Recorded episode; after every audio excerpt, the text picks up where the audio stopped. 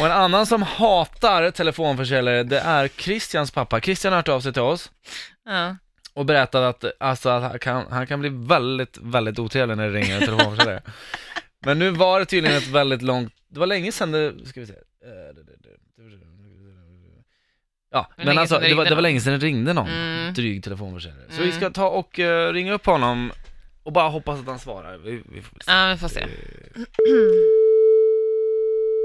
Kari heter pappan. Mm.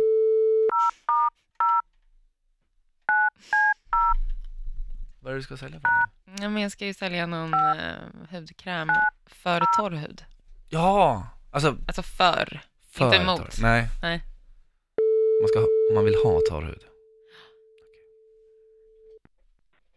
Karin?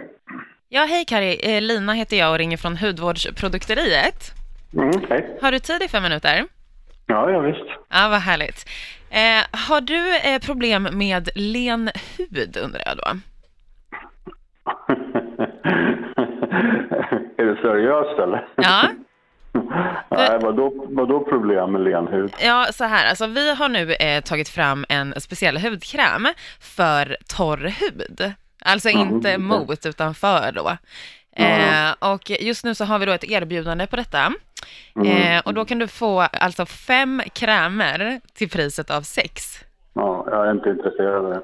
Ja, men alltså det här är ett, ett abonnemang som liksom Nej. fortlöper tills du jag är säger upp inte det. intresserad, tack. För det kommer hem i brevlådan.